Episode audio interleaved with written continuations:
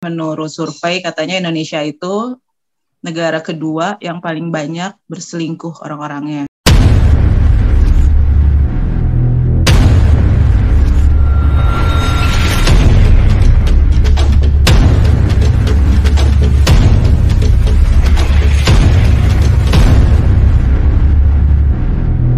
Halo, Assalamualaikum. Apa kabar nih, sohib-sohib Bios Club? Um, episode kali ini kita akan coba ngebahas sesuatu yang lumayan lagi rame di lini masa semua sosial media, cuplikan-cuplikannya, dialog-dialognya, lumayan bikin emosi juga para wanita-wanita. Tapi tahan dulu emosinya, kita sapa dulu nih, sohib-sohib Bios Club yang ikut gabung sama kita pada episode kali ini. Ada Mbak Inka dari Movinka, apa kabar? Hai Mbak Ami, halo Aska. Hai, hai, hai. Kamu Sehat, spesial ya? Kelly ya demi layangan putus ya. Kita udah lama banget ketemu, tiba-tiba langsung diajak. Oh. Lalu ada Mbak Teli juga, apa kabar Mbak Teli? Hai, baik Mbak Ami, Aska, Mbak Inka. Kemudian ada Aska Goldi dari Aska Goldi. apa kabar Mas Aska? Halo semuanya, ibu-ibu kompleks ya. Wow. Selamat bergabung loh di arisan kami. Yuk, ayo. Laki loh. Iya, kan satu-satunya laki-laki. Oke, di episode kali ini tuh kita mau ngebahas sebuah serial yang kebetulan sudah selesai tayang di WTV yang merupakan adaptasi dari eh, apa novel ya, novel karya Mami ASF. Yang awalnya itu sebenarnya dia adalah tulisan-tulisan tangan curhatan hati dari si eh, penulisnya itu. Ini semua nggak bener. Kamu nggak ngerti dan kamu tuh semenjak hamil selalu begini curiga terus bawaannya. Aku juga bingung kenapa harus curiga terus. Aku kerja buat kamu, buat saya. Nah, pertama kali lihat, pertama kali dengar, dan pertama kali nonton, tanggapan kalian gimana nih soal layangan putus? Dari Mbak Inka dulu deh. Eh, gimana ya dari pertama sih itu apa ya udah to the point gitu sih gitu kan kayak udah to the point terus nggak itu nggak bertele-tele dan emang itu sebenarnya sih sebenarnya kayak sinetron naik kelas gitu ya sebenarnya kalau kelihatan cuma dia lebih lebih lebih niat gitu loh garapannya gitu. Cuman memang dari awal tuh udah ket- ketara banget nih kalau bukan Reza Radian sama Putri Marino yang mainin kayaknya nggak mungkin bukil sebagus ini gitu dan jujur emang dari awal-awal nonton kan udah sempat emosi gitu kan ke tengah emosi gitu cuman harus ah, intinya tuh harus sabar-sabar sampai nunggu akhirnya gitu sampai selesai dan akhirnya alhamdulillah sih terbayar gitu loh kalau nggak putus tengah jalan tuh bakal lebih nyesek soalnya gitu Betul, betul, betul, betul. Jadi udah tuntas nih nontonnya ya. tuntas Tuntas, Alhamdulillah. Kalau menurut Mbak Teli gimana nih soal layangan putus nih? Soal layangan putus, ini sih sebenarnya sih cerita eh, mungkin banyak orang yang ngalamin juga kali ya cerita kayak gini ya, gitu diangkat ke dalam sebuah eh, serial TV, ya cukup mewakili kali ya perempuan-perempuan Indonesia. Akhirnya ya eh, dari awal nonton sampai akhir itu emosi naik, tinggi naik, jadi jadi benar-benar dengan pemilihan cerita memang cerita asli dari penulis juga dimainkan uh, uh, pemain-pemain itu yang uh, luar biasa ya mainnya ya Uh, jadi benar-benar kita dibawa ke dalam cerita tersebut gitu ya sangat-sangat menarik lah gitu untuk ukuran serial TV ya gitu. Betul, betul, betul, betul. Kalau Mas Aska gimana nih Mas Aska nih? Sebagai satu-satunya pria di sini. Aduh, Yang kebetulan sudah tuntas kayaknya nontonnya pria juga. Kayaknya hari ini bakalan dibully sebagai pria ya. ah, serial yang sebenarnya cukup menarik karena mungkin viral juga setelah episode 5 atau 6 ya. Meskipun awal-awal itu kurang viral, tapi ketika digoreng sama masyarakat netizen yang emang eh, dekat dengan perselingkuhan mungkin ya atau kasus di Indonesia perselingkuhan mungkin banyak banget gitu dan Indonesia suka yang relate-relate gitu ceritanya makanya film ini atau series ini viral gitu apalagi pengisi aktor-aktornya juga kelas A ya film ya series ini sangat-sangat menarik untuk dikulik. Gitu. Oke oke oke oke oke. Seperti kita tahu kan cerita uh, layangan putus ini kan disutradari oleh Mas Beni Setiawan ya, kemudian dimainkan oleh uh, Reza Radian, uh, siapa tuh namanya Anya Geraldine sama Putri Marino ya kan. Ergi udah ngomong Anya Geraldine Iya, ada gimana gitu kan. nah, kalau menurut kalian nih, uh, alur ceritanya sendiri gimana nih si layangan putus nih? Apakah tele-tele kah atau gimana nih? Kalau menurut Mbak Teli gimana Mbak Teli? Yang kayak semangat banget nih. Kak, kalau menurut aku sih ya, uh, ini cerita menarik dan nggak begitu bertele-tele. Karena dari segi episode juga nggak terlalu sampai berepisode-episode sampai berjilid-jilid kan cukup singkat gitu dengan 10 episode ya. Berjilid-jilid uh, berjulid-julid. berjulid-julid betul. Ya uh, apa namanya? Nggak begitu bertele-tele sih ya. Uh, uh, dari dari dari dari dari segi cerita sih cukup jelas. Tapi ya mungkin nanti kalau ada season 2-nya mungkin ya dibikin lagi. Tapi sekarang kali ya kalau season 2-nya ya. Udah bukan cerita asli lagi dari Niannya uh. iya sih kata katanya sih gitu sih. Katanya akan ada selanjutnya tapi mungkin bukan serial mungkin. Yeah. kalau menurut Aska gimana Aska? Ya itu tadi sudah bilang sama Mami Inka. Uh, series ini itu the point. Dari awal udah tanpa manis-manis uh, rumah tangga itu kayaknya nggak perlu terlalu lama gitu langsung direct.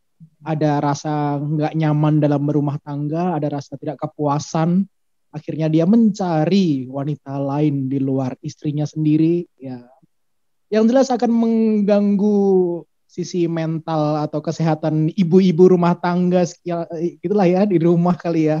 Ada rasa insecure gitu ketika suaminya pulang malam tuh gimana ini pada ke mana gitu. laki saya ke mana ini gitu kan ya gitu gitulah dan dari sisi laki kayaknya kalau mau selingkuh harus hati-hati ya karena ibu-ibu nontonnya kan ini kan sekarang jadi kalau mau bohong harus berpikir lebih kreatif lagi gitu Oke oke oke. Ya itu ya itulah ya. Ada sisi baiknya, ada sisi buruknya tuh itulah ya dari cerita ini ya. Kalau menurut Mbak Inka gimana? Pada alurnya ya. Uh-uh. Oke ya alur alur to the point. Terus ya apa ya untungnya bisa dibilang tuh ada beberapa hal ya masuk nggak agak nggak masuk akal gitu nggak nggak make sense masalah si Kinan kok bisa sesabar itu gitu kan tapi untungnya terbayar di akhir ada plot twist gitu jadi ya kita tuh kita tuh penonton tuh dibuat kesel dulu ih kelakuan Arisa sama si Lydia kok nih kayaknya mungkin mungkin agak-agak lebay sih saudaranya tuh kayak keseringan gitu loh adegan sama Ari sama dia tuh keseringan gitu. Cuman kan maksudnya terus kita kayak ini sempat sempat kayak ini nggak masuk akal banget cewek kayak Kinan tuh nggak mungkin ada orang sesabar itu. Nah ternyata kan baru di endingnya tuh jebret oh ini loh ternyata tuh ada strategi. Nah itu tuh yang yang akhirnya kita oh oke okay lah gue maafin deh gitu kayak gitu loh gitu. Kayak terbayar di akhir sih gitu. Ya sama okay. sih point. Oke, okay, kalau kalau saya pernah ini sih, kalau saya pernah lihat uh, penulis aslinya si Mami SF, ASF itu, ternyata emang gambarannya tuh emang mirip Kinan sih sebenarnya. Jadi emang dia tuh yang sabar, yang nerimo gitu. Karena kan sebenarnya saya sih belum pernah baca bukunya ya. Mungkin kalau udah ada yang baca bukunya tolong dikoreksi aja. Katanya cerita dan dari buku, dari novel dan film ini apa serial ini tuh sebenarnya berbeda sih. Cuman esensinya aja yang diambil, esensi menduanya gitu. Kalau kalau di bukunya tuh lebih ke poligami, kalau di serialnya kan lebih ke selingkuh, diselingkuhin gitu sih. Jadi kalau lihat dari cerita Mami ASF-nya sih emang hmm, ya itu kayak Kinan gitu. Dia apa perilakunya tuh ya emang seperti si Kinan itu gitu. Stop apa sabar kuat tangguh gitu. Ya begitulah. Uh, kenapa Bapak Aska mungkin ada komen apa? Mami Teli dong Mami Teli dong. Masa Bapak Aska mu iya iya iya. Oke Mami Teli gimana? Mbak Teli gimana? Soal poligami dan perselingkuhan ini nih Uh, soal poligami perselingkuhan uh, mungkin bukan dibilang wajar ya. Cuma kita nggak bisa nutup mata ya hal itu memang banyak terjadi di luaran gitu. Bisa terjadi sama siapa aja kapan aja di mana aja gitu. Nggak nggak peduli itu istrinya mau pinter kek atau istrinya maaf ya pendidikannya rendah kayak gitu. Itu bisa terjadi sama siapa aja gitu. Dan apa ya kalau hmm, dilihat kita nggak nggak ngomong masalah agama ya. Karena itu konteksnya di luar dari yeah. ini kan.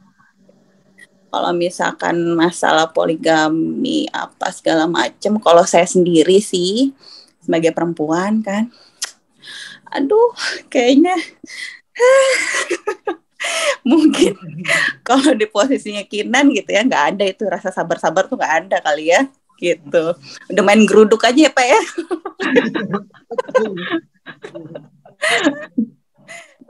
lain ceritanya udah gak, gak bakalan mungkin. Makanya nggak nggak ada perempuan yang mau dipoligami lah. Nggak ada perempuan yang mau diduain kan? Betul Gitu. betul betul. Eh, oke. Kalau mbak Inka gimana mbak Inka? Apa nih apa nih tentang apa? Iya iya ini tentang poligami dan perselingkuhan ini nih gimana nih? Iya gitu. Benar. Sebenarnya siapa pun eh, emang gak ada yang mau gitu kan ya. Cuman masalahnya memang yang agak membingungkan kalau konteksnya yang di versi aslinya itu kan apa ya ya mungkin itu kan ya karena dia kan diam-diam udah nikah setahu versi setahu aku tuh versinya Iya. tuh si co- suaminya ini tuh ketika keluar negeri itu sama istri sirinya kan jadi mereka tuh diam-diam udah nikah. Nah bedanya sama si Kinan mereka kan cuma selingkuhan gitu kan. Nah, cuman memang aku agak bingung sebenarnya sempat agak bingung nih di film ini kenapa si apa namanya Kinannya tuh kayak apa ya memaklumi oh dia selingkuh terus besoknya dia membiarkan si anaknya itu main ke nginep di rumah Nah, suami iya. selingkuhannya itu sangat-sangat tidak masuk akal cuy. Gue ya ada gue kayak gitu gue bilang sama temennya yang ada anak gue lo gak mau deket-deket sama ibu sama sama si Lydia. Lydia itu mending pakai tante. Enggak gitu. Ini tuh kayak agak kurang masuk akal gitu sih. Maksud kecuali kalau memang diam-diam ternyata si Aris udah udah udah nikah siri. Ya mau nggak mau dia kan kayak oh dia udah nikah gitu mau nggak mau meskipun dia nggak terima cuman istilahnya tuh kayak udah ya secara agama dianggapnya sah. Nah itu kayak lebih masuk akal. Itu gak nggak masuk akal di bagian situ sih gitu. Iya sih sebenarnya kayak kayak misalnya si Aris juga selingkuh itu kan maksudnya ya tadi benar kata eh, Mbak Teli kan orang udah apa sekinan udah sempurna dokter baik hati tapi masih diselingkuhin juga gitu. Oh posijok gitu kan. Terus gitu kurang apa lagi? Coba ya kan tapi tetap aja ya. Hmm. ya nggak tahu sih ya, namanya laki-laki ya mungkin ada ada apa ya kepuasan lain kali ya. Eh, gimana kalau menurut Mas sebagai laki-laki. Itu dia, itu dia. Juga benci laki-laki sebenarnya. ya iya dong kalau kamu suka saya agak khawatir ya dia. Ya itu makanya saya, untung saya nggak suka laki-laki ya gitu. Itu yang dibilang sesuai. eh, ini kan eh, perselingkuhan, perselingkuhan yang kenapa berkembangnya malah menjadi poligami gitu. Dan si Kinannya kok kayaknya sabarnya tuh terlalu terlalu surgawi banget ya. Ini nggak ada rasa hasrat ingin membunuh gitu ya. Dia malah motong motong apel doang kan? Nah itu dia. Motong apel. Maksudnya gue gue black. Ayo dong eh, munculkan jiwa setan Anda gitu Kinan. Kenapa masih? Ya sabar sabar. Mungkin dia tipikal manusia yang main strategi yang akhirnya eh, mau spoiler alert mungkin di akhir-akhir digugat cerai gitu kan. Ya tapi terlalu baik sebagai wanita dengan pria yang sejahat itu. Aduh mau ngomong kata kasar juga terlalu bahaya ya. Jadi yang sejahat itu se ah se ih itulah ya ya harusnya. Sabar. Kalau dibandingkan dengan Word of Marriage yang di film Ah. di drakor itu kan memang dia eh kupikir formulanya bakalan sama gitu. Kupikir bakalan format berselingkuh kemudian pisah terus akhirnya memilih salah satu gitu. Karena nggak tahu juga ini sumbernya source-nya dari Mami ISF penulisnya. Kalau ujungnya poligami kayaknya terlalu berat atau pendekatannya kan islami banget ya ini kayaknya kenapa selingkuh berujung ke poligami gitu. Ini kan konsep poligami aja udah salah gitu. Poligami kan biasanya izin dulu ke istri, mengizinkan baru iya gitu kesannya ya gitu. Nggak ada orang praktek poligami kan di sini kan. ya, jadi, ada amit ya, ya, ya, ya, ya. Ya, tapi kenapa dari berselingkuh langsung dia dengan muka tebalnya langsung saya nikahin tapi kamu nggak mau saya ceraikan. Itu terlalu wow ini orang emang laknatullah gitu kayaknya kesannya.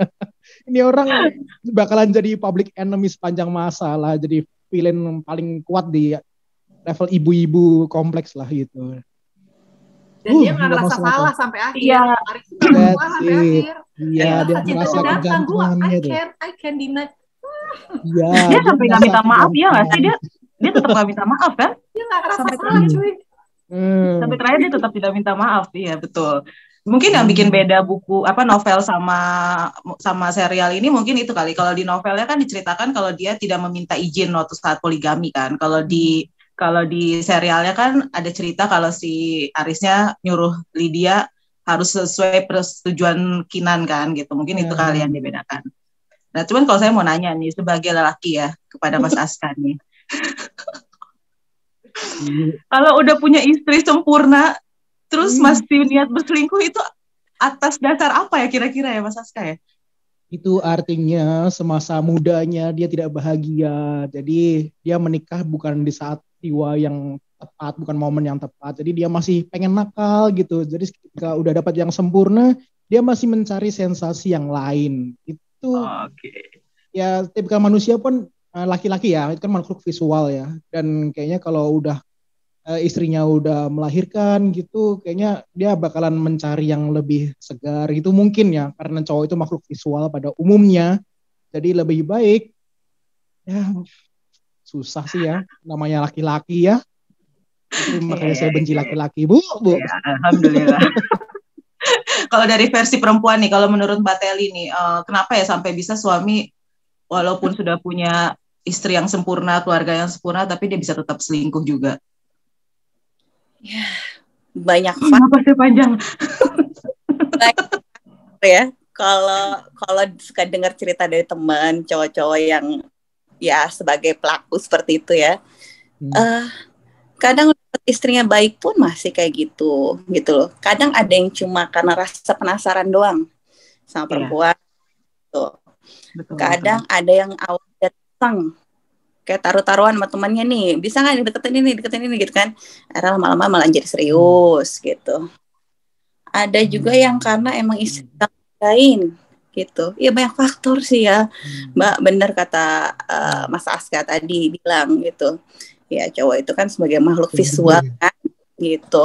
Jadi kalau yang bening sedikit lewat hmm, itu kayak nggak mungkin deh kalau di lirik gitu. Cuma sampai Hmm. sejauh mana bisa jadi perselingkuhan kan kalau dari lirik kan jadi lanjut kan. Kalau cuma lirik doang kan sebenarnya nggak masalah dong ya kan gitu. Hmm. banyak faktor sih tapi balik lagi sih kalau kalau kita ngomong eh kaitin sama masalah agama kan ya. Ya kalau orang yang ngerti agama kan nggak akan kayak gitu ya gitu. Hmm. jadi gimana Mas Aska? Ada ada Ya itu kayak teori.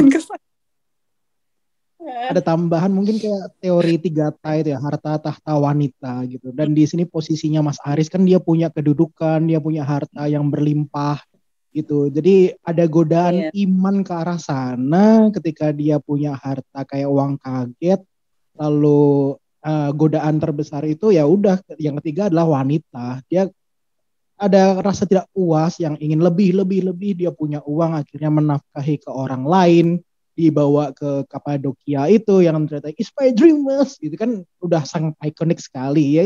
Yes. kalau Ah. orang yang tidak punya harta tidak punya tahta kayaknya nggak bakalan kepikiran punya selingkuhan terus dibeliin eh, kondominium atau apartemen 5 miliar itu gitu ini kan The F gitu ya, the F apartemen gitu ya. yes godaan terbesarnya kan mungkin karena dia punya segalanya itu makanya bagi para suami mending biasa-biasa aja lah hartanya dan tetap bahagia dengan satu istri gitu betul ibu-ibu Amin, insya Allah. Kalau menurut Mbak Inka gimana nih soal laki-laki yang udah punya keluarga sempurna tapi masih tetap Iya sih, mungkin benar juga. Jadi gini, apa?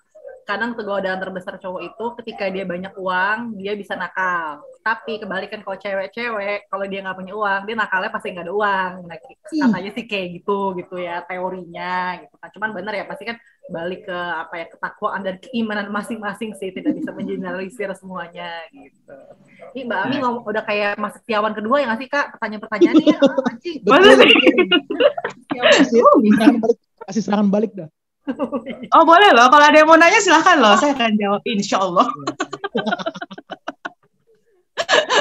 Oke oke oke, kita balik lagi deh ya ke layangan putus ya. Kalau ya, layangan putus soalnya kalau enggak ntar makin panjang nih. kalau menurut kalian nih, eh no no, maksudku scene favorit deh. Kalau scene favorit dari seluruh scene, scene favoritnya mana nih kalau Mbak Inka? itu yang episode 6 yang It's My Dream Not Her. Oh. Karena kenapa?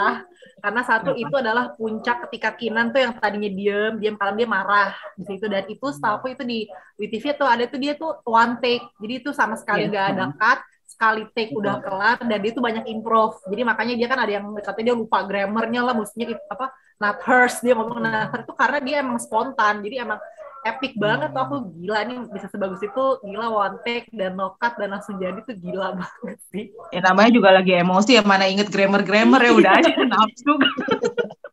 mana kepikiran Nazi, grammar. Udah bisa ngomong aja udah bagus tuh. iya karena Hmm. setelah itu setelah adegan itu tuh kayak nggak masuk makin nggak masuk akal gitu loh maksudnya aku tuh pengen Kinan tuh meluap-luap lagi nih malah kayak sabar nangis anaknya meninggal besoknya tuh tiba-tiba langsung ngajuin apa pengen nuntut si Aris. Nggak ada emosional tuh nggak ada. Kayak lo diem-dieman kayak dingin-dingin. Ah apa sih kemarin tuh udah enak banget tuh marah-marah. Tiba-tiba di- jadi diem lagi gitu. Ya kalau kalau kalau aku pernah lihat ininya sih maksudnya wawancara mereka berdua sih kan sempat ada yang nanya juga kan kenapa si Kinan kok tiba-tiba dari emosi terus jadi besoknya bisa Jadi- kalah uh, uh, jadi kalem. Karena kata dia itu itu apa ya dia pengen gambarin kalau wanita itu kalau mau apa ya kalau mau marah nggak usah teriak-teriak kata dia gitu Oh, jadi makanya kenapa kayak gitu ya Hmm, Ya, makanya itu. kenapa scene berikutnya tuh dia lebih kalem lebih tenang supaya dia ingin menunjukkan kalau wanita itu kalau mau marah mau emosi nggak usah teriak-teriak katanya gitu Waduh. Ya, kayak waktu adegan apa mereka digapin di restoran tuh kan dia yang apa nge- ngehack handphone tuh. Iya iya iya iya dia jalan jadi cantik itu kan gue pikir mau diapain mau disiram gitu mau di, di kamerain diem diem enggak tepok tepok tangan terus udah pulang aja ya.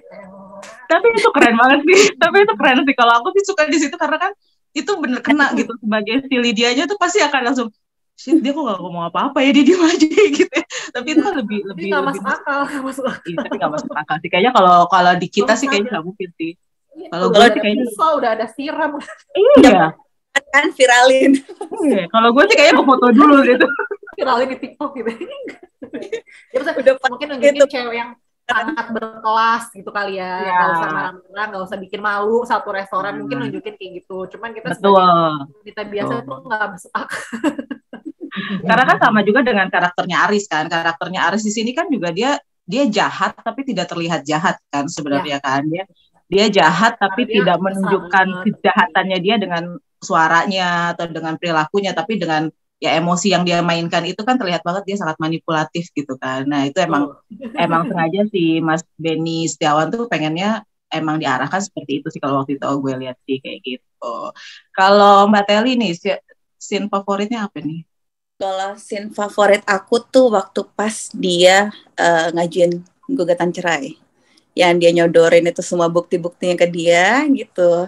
Dengan tenangnya dan niat muka Aris kayaknya puas banget gitu loh. Akhirnya gitu biarpun puncaknya endingnya nggak nggak nggak ada tabuk-tabukan ya gitu. Cuma puas gitu loh di situ ngeliat mukanya Aris you gitu loh. sick you Kan- sick you sick You see one thousand.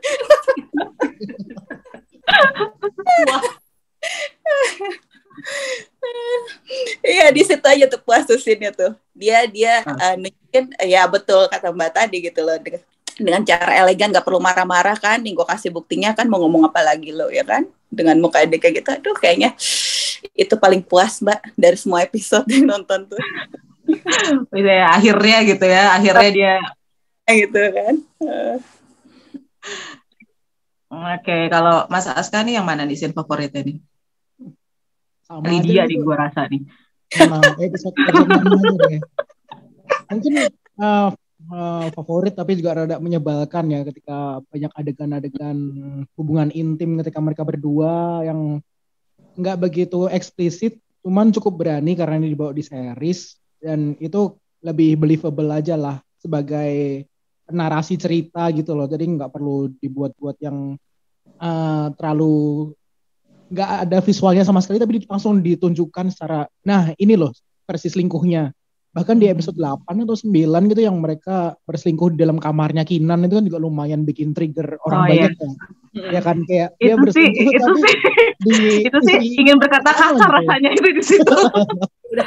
Ngomong nonton tuh deh najis najis najis. Iya kan ini versi malaikatnya Kinan nih kapan kesurupannya ya? Kalau jadi Kinan kayaknya banyak orang yang Iya. bakalan bawa obor atau apa, udah bakar rumah ada kayaknya gitu. Padahal Kinan kan, padahal Kinan kan ngedengerin ya, padahal kan Kinan ngedengerin di di Oh, iya, dan Lama dia penting kan dari kabarnya, luar. Kan? Iya, dan dia tidak ngapa-ngapain. Ya Iya. Tuhan, kayaknya kalau gue mah udah masuk aja. Panggil satu Iya. RT keroyok. Iya, panggil Pak RT.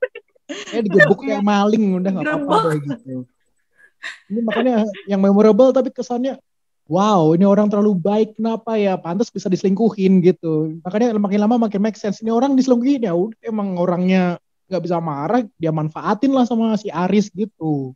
Ya kesel banget ya udah gitu aja deh. Ya, aku tuh sampai dia ngomong kan si anaknya siapa Raya kan, eh mama Raya. papi eh, kenapa papi kalau sampai saya sama mami kenapa? Eh, aku saya Ya. Mami lagi sama tante Lydia. Iya Ya, dong, ya. emang bo- apa, eh, apa sih bilang kayak emangnya boleh mama Mami kan orang baik. Ah, menurut lu Hmm. maunya semua orang baik terus boleh gitu gue kawin lagi gila kan gitu.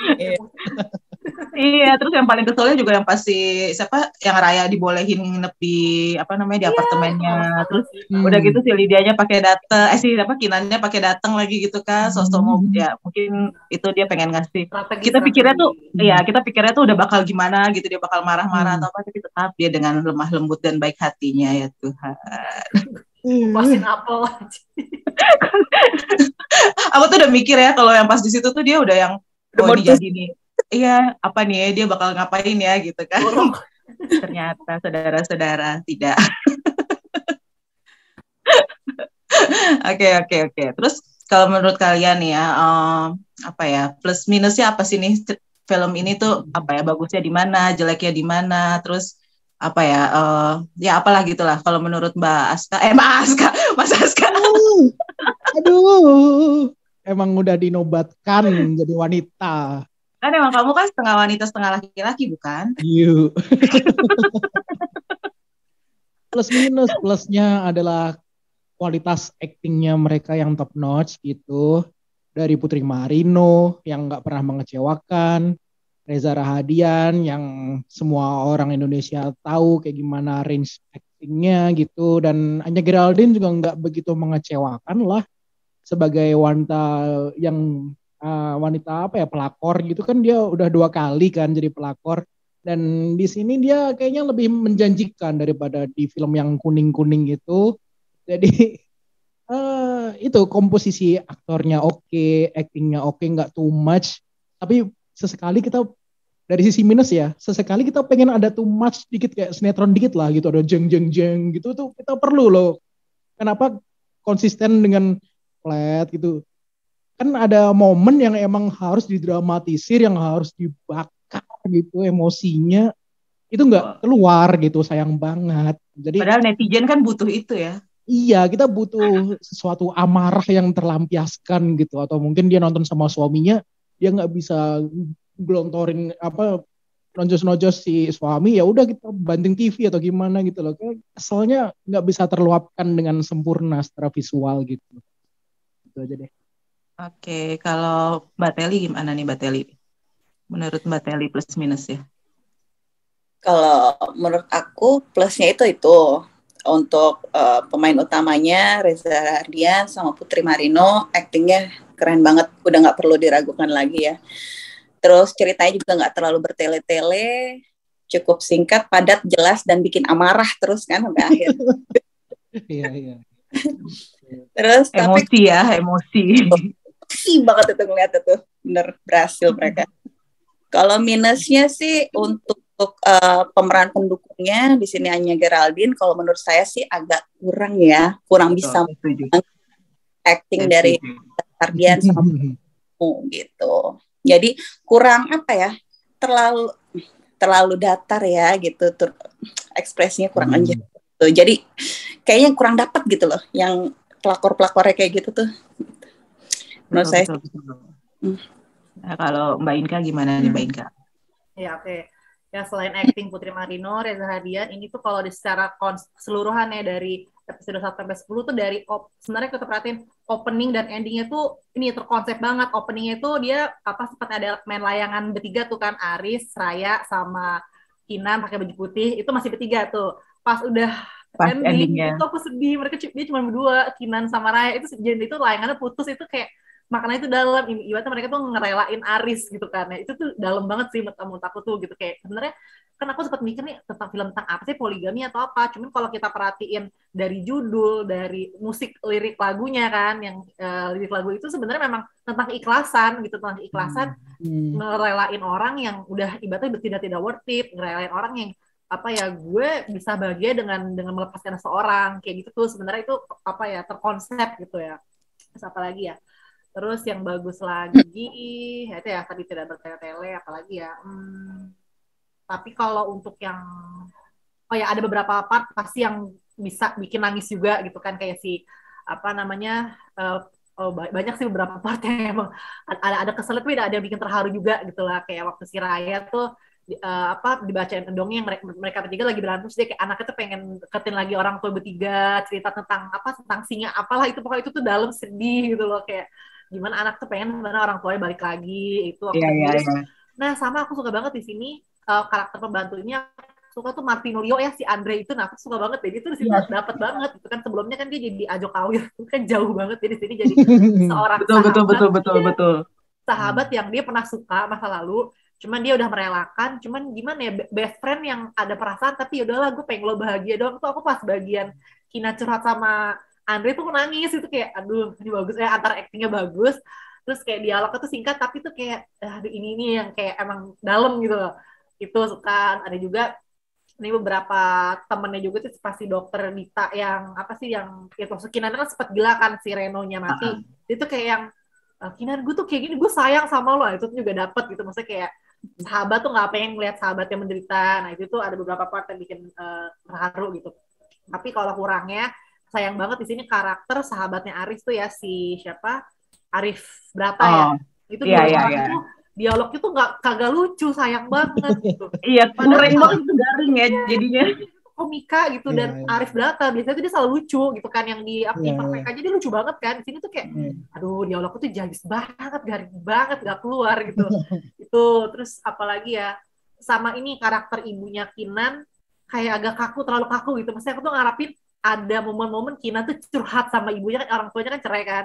Maksudnya aku tuh pengen tuh kayak ketika Kinan ke rumah ibunya tuh dia nangis kayak ma aku tuh kayak gini gue disakiti tuh nggak ada. Itu padahal tuh momen yang sangat bisa meleleh tuh di situ. Nih ibunya kayak kayak diem aja gitu anaknya selingkuh. Udah kagak ada omongan kagak ada apa gitu. Sayang aja gitu kayak dianggurin.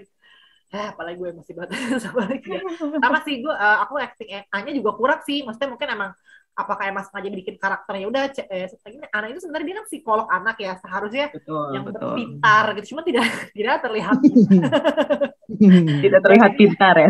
terlalu terlalu lempeng gitu loh kayak Hmm. apa ya kurang ekspresinya tuh kurang lah gitu kayak datar banget bener setelah aku lebih setuju sama Taylor sih kurang Ya.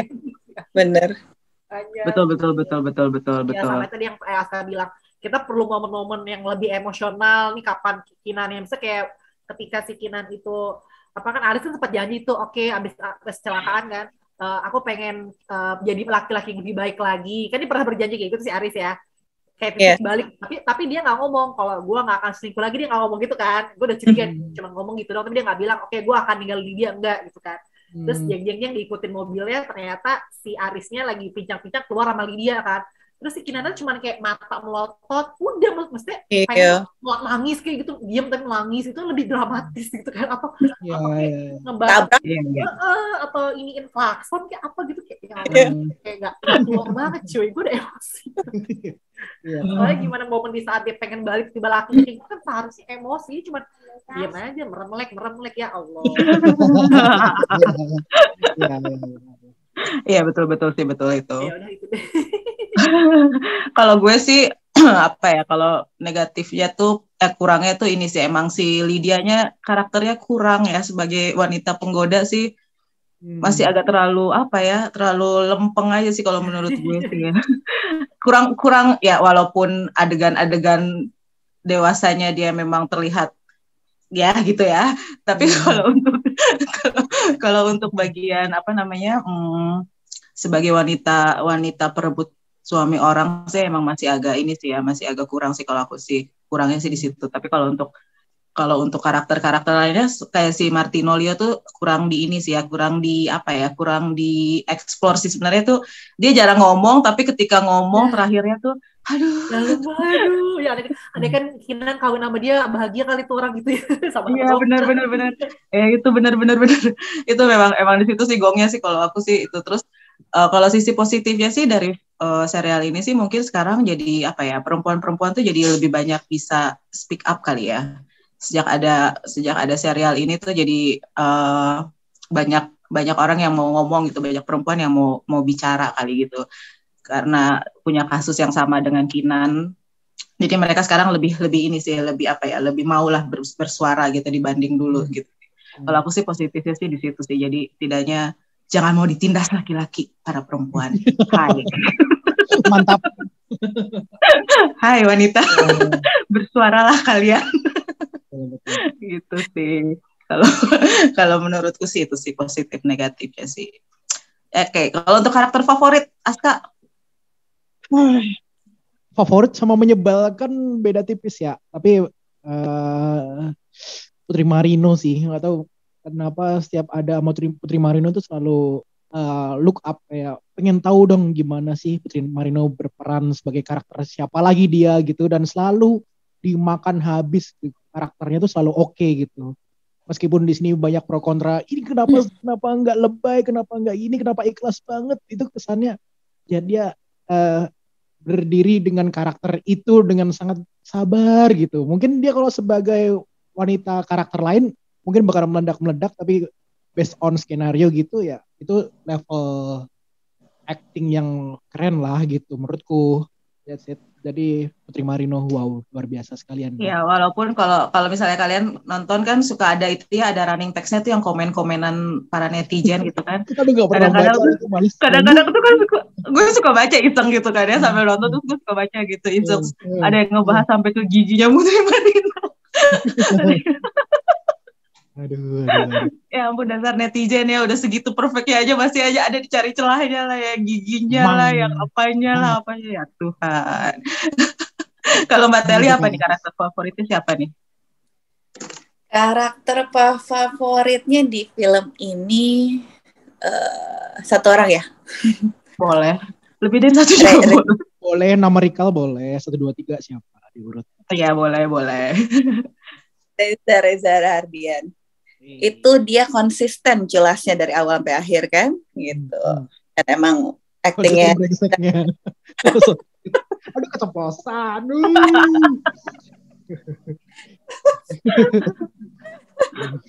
Betul Dan- betul. aktingnya dia kan udah nggak bisa, udah udah udah nggak nggak perlu diraguin lagi kan. Dia kalau acting tuh benar-benar totalitas gitu. Jadi kalau kita ngelihatnya pun ya kebawa masuk ke dalam karakter yang dia peranin gitu.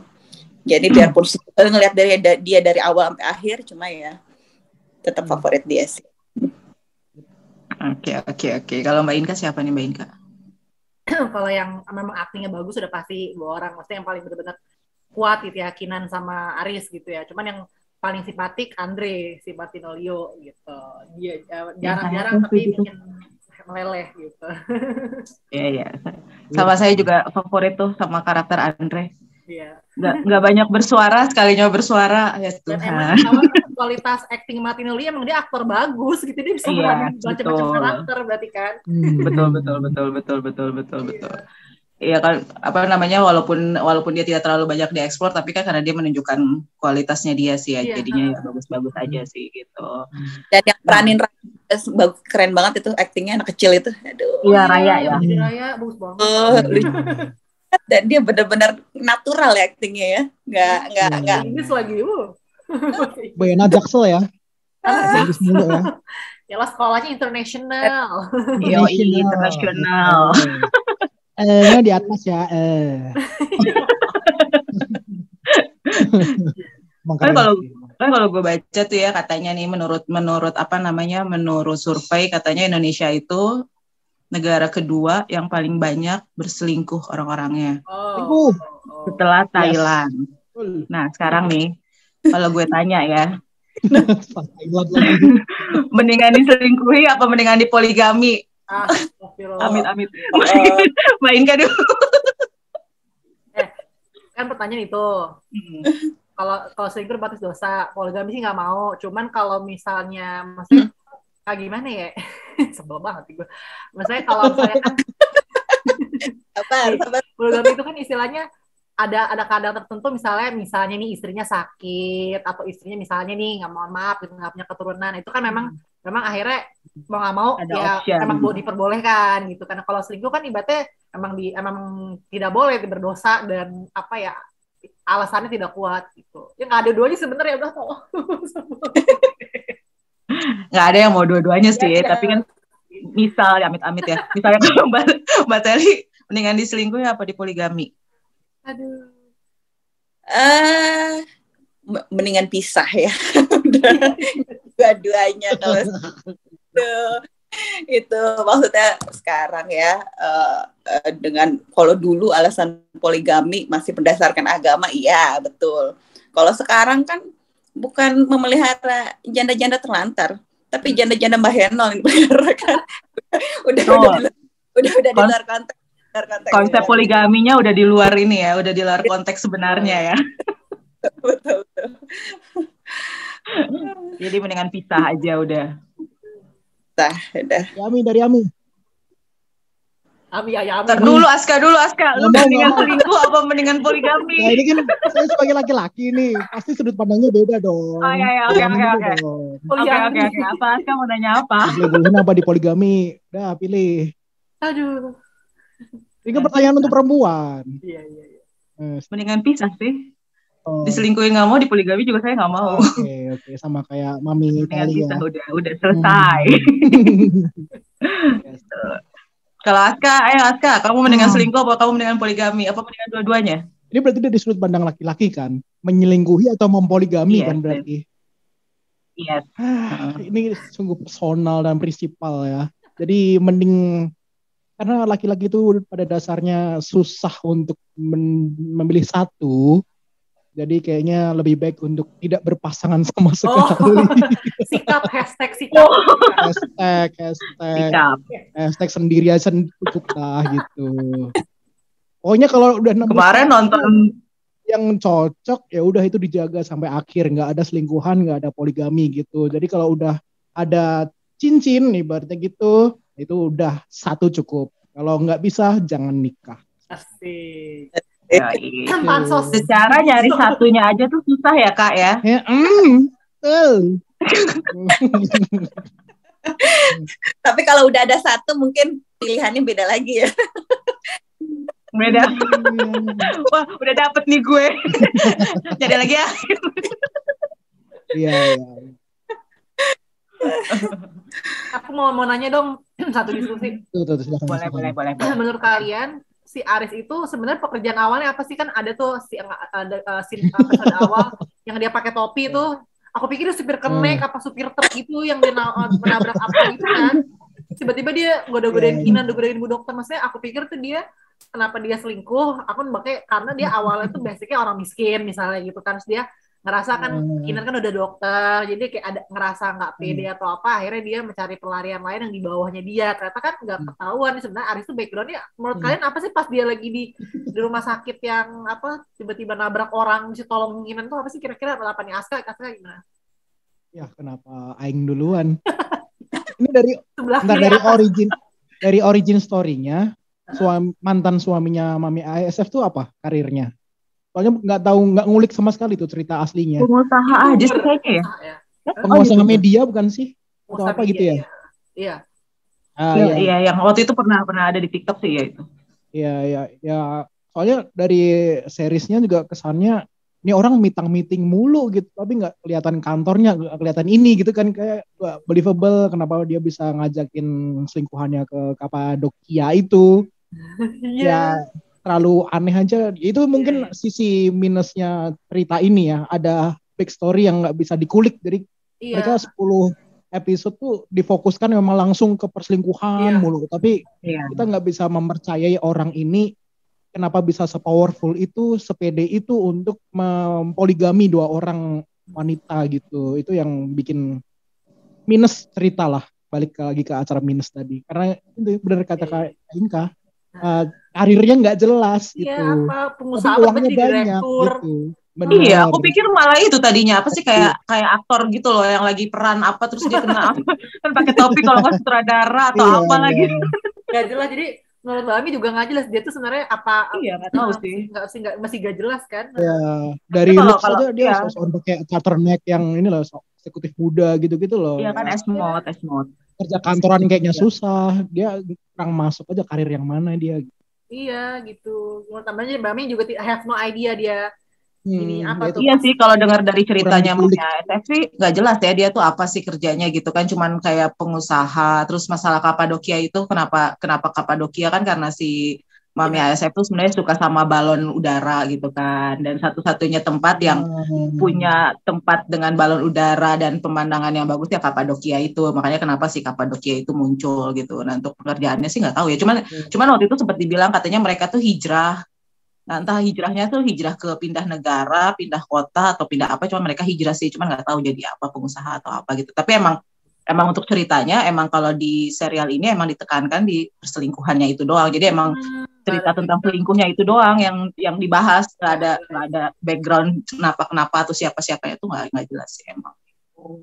Kalau mau Tele gimana Tele sih si Aris tuh sebenarnya kerja apa sih awal-awal itu? Gue bingung. Mungkin sempat WhatsApp kali ya mau batalin nggak ya? Oh, iya. tahu. Kalau kalau kita ngelihat penampakan orang awam ya dengan tampilan dia yang lusuh, topi, topi, topi, topi kayak gitu kan, gitu. Kayak kayak maaf maaf ya kayak mungkin kayak pekerja kasar ya gitu kan. Cuma setelah ada kasus yang eh, dia karena nabrak orang segala macem, mungkin sengaja penulis nggak nggak nggak ceritain detail masalah kehidupan pribadi masing-masing karena biar eh, cerita juga nggak bertele-tele kali ya gitu atau cuma ngangkat memang benar-benar difokusin cuma yang masalah selingkuhnya doang ini. Kalau misalkan dilihat sebagai penonton sih kayak modelan apa ya? Kayak modelan pekerja-pekerja eh bukan pekerja, maksudnya kayak kayak orang-orang eh lapangan ya. Iya. Apa dia merintis karir gitu, dia sebagai mandor apa gimana kayak dia dari lihat tampilannya sih ya. Gitu. Kalau aku malah aku malah sempat seuzonnya gini karena dia tuh sebenarnya bukan siapa-siapa, terus dia deketin Kinan, terus kan Iya. Kinan tuh anak orang kaya kan ceritanya kan, Iya, terus iya, iya. mamanya kan Hmm. mamanya kan dokter gitu, terus akhirnya dia dikasih usaha atau apa gitu ya, Hmm. buat cerita sendiri. Iya, tapi gue. anehnya gini, kalau emang emang si Aris misalnya Aris itu dari kalangan bawah misalnya gitu ya, tapi kan dia ngomongnya itu kan Inggris mulu kan. Dia kan selama sama Kinannya kan Inggris mulu sama temennya siapa tuh yang ya, temen Bun. kantornya tuh Iya. siapa tuh yang sempat dicurigain tuh yang cewek aduh Oh Miranda, Miranda kan Inggris maksudnya nggak believable kalau dia juga awal dari orang miskin kecuali kalau dia ngomongnya ngapak-ngapak atau misalnya ngomong Betawi atau apa gitu kan kita bahas oh berarti ini orang dulu backgroundnya ini bukan orang kaya gitu kan jadi itu Iya. agak-agak ya agak-agak apa sih jomplang aja jadi tidak Hmm. apa kayak minus dari serial ini juga itu kurang jelas gitu Hmm. iya dia kayak dia tidak menceritakan background masing-masing ya, jadi benar-benar emang fokusnya tuh cuman di perselingkuhannya itu aja gitu, jadi nggak yang di, season 2 kali lebih jelas Au, wow. Iya, gosipnya sih gosipnya sih nggak ada season 2 sih, katanya mau dijadiin film malah. Oh, Gila. Menurut gosip-gosip yang beredar. well, well. dan dan katanya kalau filmnya itu filmnya itu malah sesuai dengan ini nggak tahu ya benar apa nggak sesuai dengan itunya novelnya katanya gitu. Jadi Wow, soal film poligami itu yang akan dia. Yoi. Kapadokia, Kapadokia. selalu terus Berindu kalau cahaya, Kapadokia. kontroversi ya. iya. Iya, itu pasti mungkin itu nggak nggak dijadiin serial, mungkin akan jadi kontroversi kan soal soal poligami pasti akan akan banyak ini sih, banyak orang yang orang-orang yang Ya. ikut Ya tambahan lagi Gitu, mungkin layan putus ini walaupun ceritanya kontroversi, udah banyak yang orang nonton, untungnya dia nggak membawa sisi agama terlalu banyak gitu loh. Dari karakternya pun nggak ada atribut-atribut agama tertentu gitu. Jadi kayaknya mereka masih main aman lah untuk mengontrol Iya, uh, skripnya untuk untuk si uh, Kinannya nggak terlalu banyak berdoa atau apa gitu, Iya, mungkin iya, masih iya, iya. aman gitu loh menurutku ya daripada dia lalu Kalau tiba-tiba ada ritual agama kesannya wah Islam lu gini oh cowok Islam lu gini ya contohnya gitu takutnya yes, ya. untungnya eksekusinya bagus dan nanti kalau misalkan film dibawa versi lebih dekat ke original yang lebih religi itu yang lebih kontroversi malah nggak nyaman dilihat sih menurutku mending bagusnya gini sih. Betul, gitu. betul, betul, betul. Hmm. Betul kan kalau kayak gini kan tidak terlalu ini ya, jadi tidak akan ada apa ya, maksudnya isu-isu lain gitu kan, ada framing, isu-isu lain yang naik ada kan. framing ke satu agama atau apalah gitu. Ini cerita manusia Indonesia aja gitu. Betul, betul, betul, betul sih. Betul, betul. Ada lagi yang mau nanya-nanya, boleh loh. Silahkan loh. Pertanyaan udah keluar Udah semua cukup ya, kalau ada cukup. Ada lagi unek-unek ya, ya mungkin unek-unek, ayo dikeluarkan. Minta tuh yang punya tuh, Mami Teli tuh. Perlukah kita menyelesaikan, buat yang belum selesai, perlukah kita menyelesaikan serial ini gitu, kalau buat yang belum selesai nonton nih. Menurut Mbak Teli gimana? Apa gimana gimana gimana? Sorry sorry. Gimana Pak? buat yang belum buat yang belum selesai belum selesai nontonnya perlu nggak sih nonton sampai habis Oh, gitu iya. street apa ini serial Ah, ini perlu perlu banget gitu. Perlu banget yang mau yang darah rendah gitu kan perlu banget nonton ini gitu biar stabil darahnya. Langsung darah tinggi, mak, mak. perlu perlu banget ini ini rekomend banget sih film ini. Rekomend buat ditonton eh, buat ditonton dari segi cerita dari segi pemain mayoritas ya. Dari segi episode juga nggak nggak bertele-tele jadi ya bisa lah maraton ya nontonnya tiga hari tuh nggak usah ngurus nggak usah ngurusin anak nonton aja terus. Yang, yang ada film eh, film apa serial belum kelar udah diomelin ya sama orang rumah. Kalau menurut Aska gimana nih Aska?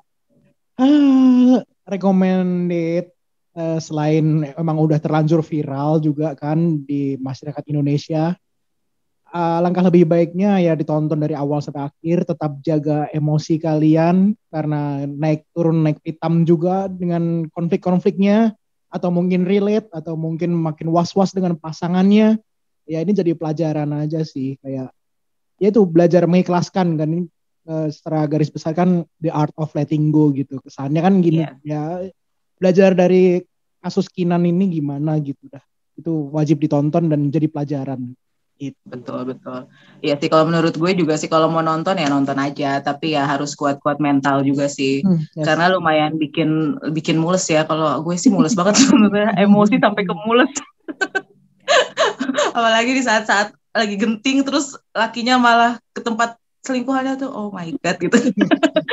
Ya jadi kalau mau nonton ya nonton aja sih. Cuman mendingan selesaikan sampai akhir sih sebenarnya karena gongnya itu di akhirnya sih biar kelihatan emosinya lebih lebih dapet tuh pas di akhirnya itu sih gitu. Hmm. Nah, menurut Mbak Inka gimana nih haruskah ditonton yang belum selesai harus nonton nggak sampai Ya, terakhir Justru kalau udah pertama kali kecemplung nonton film ini, kalau nggak diselesain malah kentang, malah emosi doang dapetnya. Tapi kalau udah sekali kecemplung, mendingan abisin gitu baru biar tuntas. betul. Karena baru tahu esensi film itu memang sampai nonton sampai akhir gitu. Jadi yang kayak intinya tuh yang kita ta- ya gitulah kita sempat nebak tentang poligami ternyata bukan itu ternyata ini tentang ngomongin Hmm. keikhlasan gitu kan ngomongin Hmm. satu hal yang eh, apa ya dia ya itu rela melepaskan demi demi Hmm. demi kebahagiaan batin kayak gitu sih. karena yang harus dipegang kuat itu diri kita sendiri ya asik Ih, Oke, baiklah. sudah, sudah cukup, sudah cukup semuanya. Sudah. Udah. Oke, kalau gitu terima kasih untuk ngobrol-ngobrolnya para sohib Bios Club. Asik. Semoga kita nanti kita akan ketemu lagi di episode-episode selanjutnya Hmm. akan ngebahas tentang film-film dan serial-serial lainnya. Oke, terima kasih semuanya. Bye.